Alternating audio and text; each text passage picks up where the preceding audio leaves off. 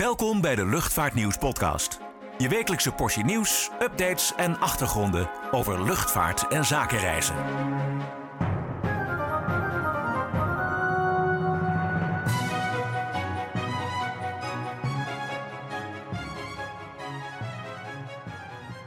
Hallo en welkom bij de Luchtvaartnieuws podcast. Mijn naam is Klaas-Jan van Woerkom en op veilige afstand zit mijn collega Niek Vernooy. We hadden even een pauze wat betreft de podcast, maar niet geheel zonder reden. Uh, nee, want we hebben het bijzonder druk gehad de afgelopen weken. Nou, zeg dat wel. Waarmee dan, zult u zich wellicht afvragen? Nou, misschien dat het 100 pagina's stellende Luchtvaartnieuws magazine, waarin we een hele grote special hadden over de Airbus A380, een kleine indicatie geeft van waarmee we ons de laatste tijd hebben bezig gehouden. Ja, dat is inderdaad een flink nummer, uh, maar weer leuk om te maken natuurlijk. We hebben heel veel uh, inzendingen van lezers ontvangen, waarvoor nog hartelijk dank. En uh, Jorik Schotten en Joop Hupkes zijn de winnaars van een schaalmodel van een Qantas A380 geworden. Gefeliciteerd. Oh, nou. Ja, zeker. En ook dank natuurlijk aan uh, Qantas voor het ter beschikking stellen van die modelletjes. Ja. Um, ja. alle abonnees hebben het magazine inmiddels ontvangen. En ook de losse verkoop ging heel goed. Hebben we er trouwens nog een paar? Nou, niet veel meer. Er liggen er nog uh, een stuk of wat, uh, zag ik. Dus wie nog een exemplaar wil bemachtigen, moet snel naar onze webshop. Ja, en daarover gesproken, vandaag gaat ook ons decembernummer in de verkoop. En dat is een speciale. Zeker, uh, editie 100 alweer van Luchtvaartnieuws Magazine. Waarin we niet alleen terugblikken op het afgelopen jaar, maar ook op de 20 jaar dat luchtvaartnieuws.nl inmiddels bestaat. 20 jaar al. Het is als de dag van gisteren. Ja, nou.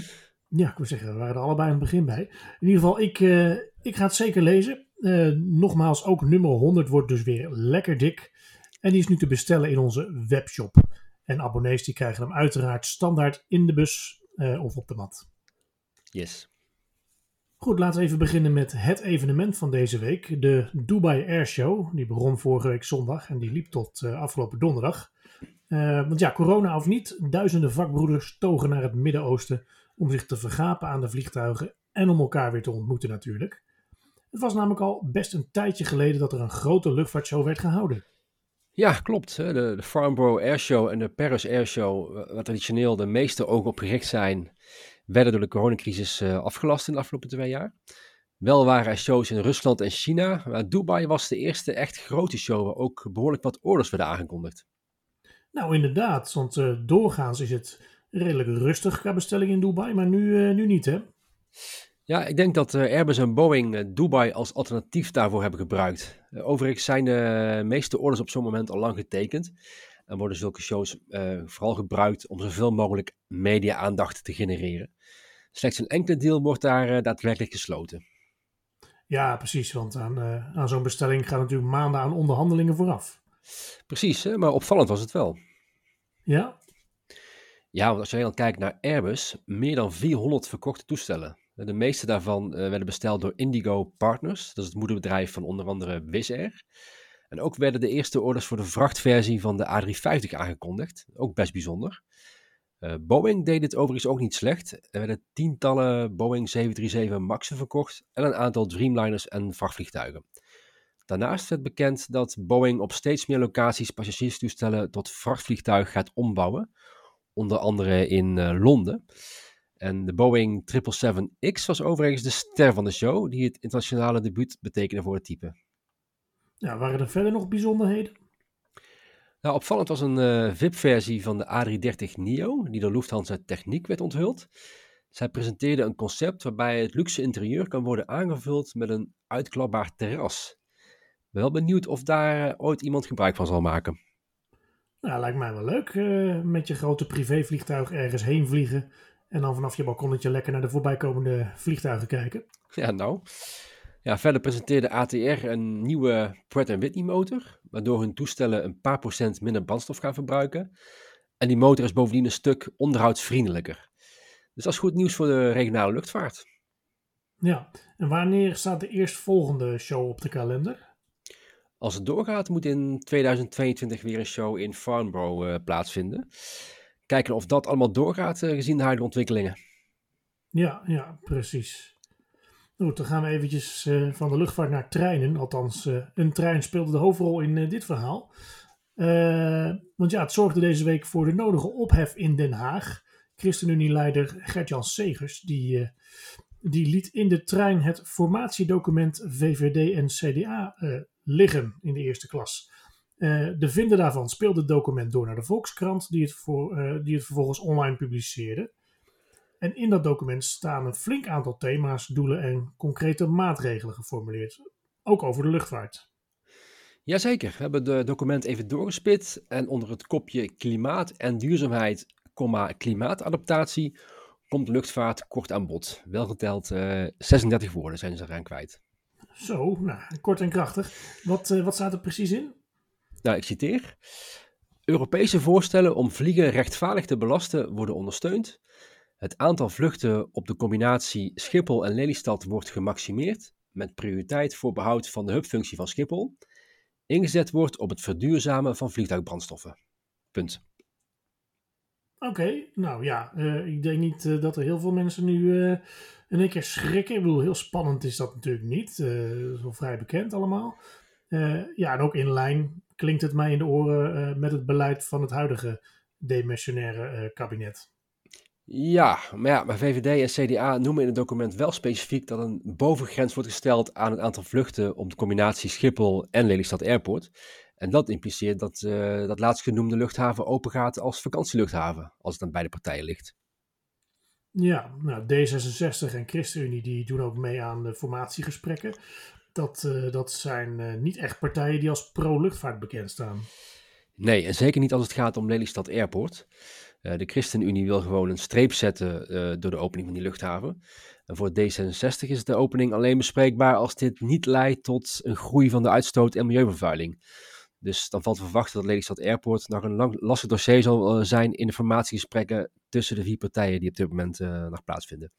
Ja, kan ik me voorstellen. Nou goed, een belangrijke les voor de heer Segers. Niet zoveel uitprinten, tenminste zeker niet dit soort belangrijke documenten. En uh, in coronatijd ook gewoon niet in de trein gaan zitten. Nee. Nee. Um, ja, dan gaan we even heel kort naar de reclame en dan zijn we zo meteen terug. Word nu abonnee en ontvang 12 keer per jaar het Luchtvaartnieuws magazine. En onbeperkt toegang tot nieuws en achtergronden op luchtvaartnieuws.nl en zakenreisnieuws.nl. Ga voor meer informatie naar luchtvaartnieuws.nl/slash abonneren. Ja, daar zijn we weer.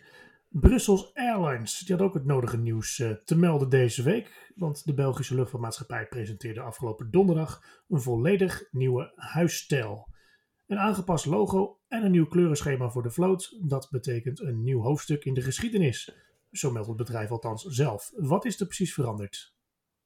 Ja, de vliegtuigen worden grotendeels wit met rode, blauwe en grijze bollen op de romp en staart. En verder staat de naam uh, Brussels in grote letters op de romp met daaronder uh, veel kleiner airlines. Ja, en uh, veel mensen, waaronder ik zelf, die het kleurenschema voor het eerst zagen, die moesten gelijk eigenlijk denken aan Croatia Airlines. Ja, daar heeft de livery op het eerste gezicht wel veel van weg eigenlijk. Alleen zijn die bollen op de staart bij die maatschappij vierkante blokken. Maar de gelijkenis is er zeker, ja. Ja, hoe ziet het nieuwe logo er verder uit? Ja, het vertrouwde logo van 14 rode bollen die een uh, kleine letter B vormen verdwijnt. Uh, de rode bollen blijven een rol spelen in het nieuwe logo, maar dan zijn het er slechts 9 stuks, ingedeeld in drie rijtjes van drie. En met verschillende formaten. Met een beetje fantasie valt in het logo het uh, atomium in Brussel te herkennen, dat ook uit 9 bollen bestaat. ja, met de nieuwe look wil Brussels Airlines sterker haar rol als nationale airline van België benadrukken, zeggen ze zelf. Ja, zeggen ze zelf inderdaad. Hè. Sajan detail is dat Air Belgium eigenlijk uh, hè, dat meer doet qua uitstraling. Want die hebben echt gewoon de, de nationale driekleur uh, in, in, uh, in het kleurenschema verwerkt. En ja, ik herinner dat, me trouwens... dat, konden ze dus niet meer, dat konden ze dus niet meer doen. Dus moesten ze iets anders gaan zoeken. Ja, ja, precies. En ik herinner me trouwens ook nog dat het vorige kleurenschema werd geïntroduceerd. En dat iemand er toen opviel dat de B in het logo uit 13 rode bollen bestond. Eh, waarna, waarna Brussels Airlines besloot om het maar aan te passen naar, uh, naar 14 bollen. Hè, om het uh, ongeluk niet over zichzelf af te roepen. Maar goed. het nieuwste nieuwe kleurenschema, dat, dat lijkt dus behoorlijk op dat van Croatia Airlines. Maar ook het, het, het logo aan zich kwam bekend voor. Hè? Ja, een, een Poolse nieuwssite met de naam gazeta.pl blijkt een nagenoeg identiek logo te hebben. Alleen is de volgorde waarin de grote en kleinere bollen staan wat anders. Volgens de Belgische krant De Morgen heeft Gazetta.pl inmiddels contact opgenomen met Brussels Airlines om tot een oplossing te komen. Maar een woordvoerster zegt uh, overigens dat ze daar het Poolse logo al kenden en dat ze dus geen reden zien om het aan te passen. Dit omdat de logo's niet volledig identiek zijn en beide bedrijven in volledig verschillende sectoren actief zijn, waardoor er geen verwarring mogelijk zou zijn. Daar is ook wel iets voor te zeggen natuurlijk. Ja, ja, ja. Nou goed, dan wel echt, het, getuigt niet van heel veel creativiteit natuurlijk, hè, als het gewoon uh, kopieert van anderen. Maar goed, uh, even kort nog, waarom introduceert uh, Brussels Airlines eigenlijk een nieuwe logo en een nieuwe huisstijl? Ja, die oude livery was al 15 jaar oud en was wat oudbollig. Een nieuwe look is, hoewel niet bijst origineel dus, wel een stuk frisser. En volgens CEO Peter Gerber van Brussels Airlines past de nieuwe look beter bij de digitale communicatievormen van, van nu. Maar bovenal is het een bevestiging dat Brussels Airlines blijft bestaan. Hè? Want een jaar geleden, of eigenlijk een paar jaar geleden, dreigde de maatschappij nog op te gaan in, uh, in Eurowings. Dus een ander dochterbedrijf van Lufthansa. Ja, en daarna volgde de coronacrisis met alle gevolgen van dien.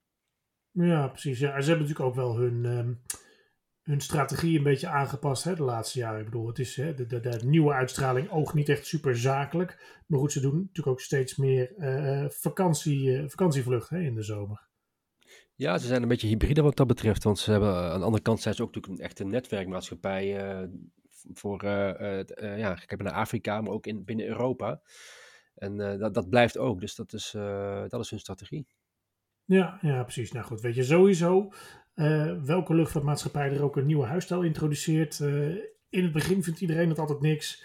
En, uh, en later wendt het wel. Hè? Dus, uh, maar goed. Um, um, ja, ik zag trouwens dat vandaag uh, voor het eerst een vlucht werd uitgevoerd met een toestel dat geschilderd is in de nieuwe kleuren. Een Airbus A319. Is er al een beetje bekend wanneer alle andere Airbussen de nieuwe kleuren hebben? Ja, om kosten te besparen zal de nieuwe livery slechts geleidelijk op de vloot worden aangebracht. andere toestellen worden pas onder handen genomen zodra ze aan de beurt zijn om, ja, om een schilderbuurt schilderbeurt te ondergaan. Dus het zal nog wel even duren voordat de volledige vloot is overgespoten. Ja, nou goed, ook dat is wel logisch natuurlijk. Hè. Het is een beetje zonde om uh, tussentijds een toestel uh, te gaan overschilderen. Precies. Ja, uh, dan gaan we even van België naar Suriname. want er is weer nieuws bij onze vrienden van Suriname Airways.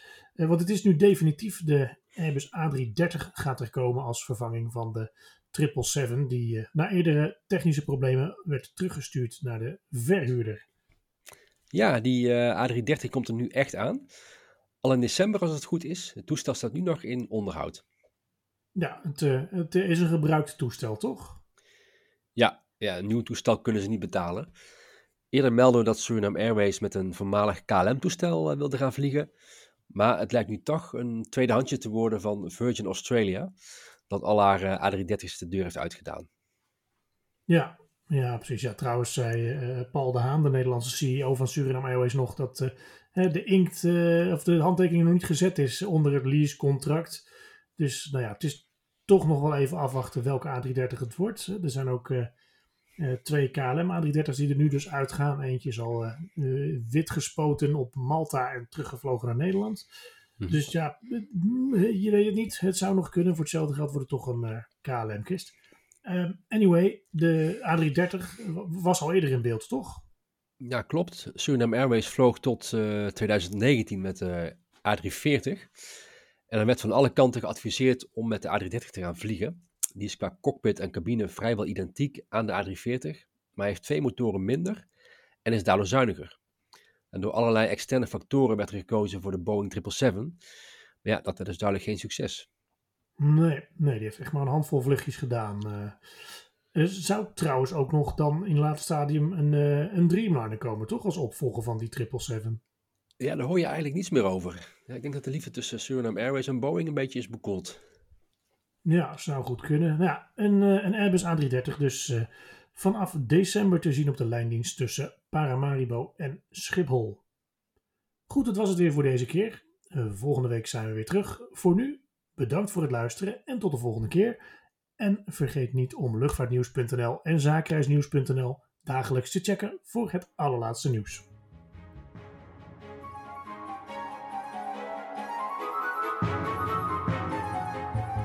Bedankt voor het luisteren naar de Luchtvaartnieuws podcast. Voor opmerkingen, vragen of suggesties, mail ons redactie@luchtvaartnieuws.nl. Een fijne dag en graag tot de volgende podcast.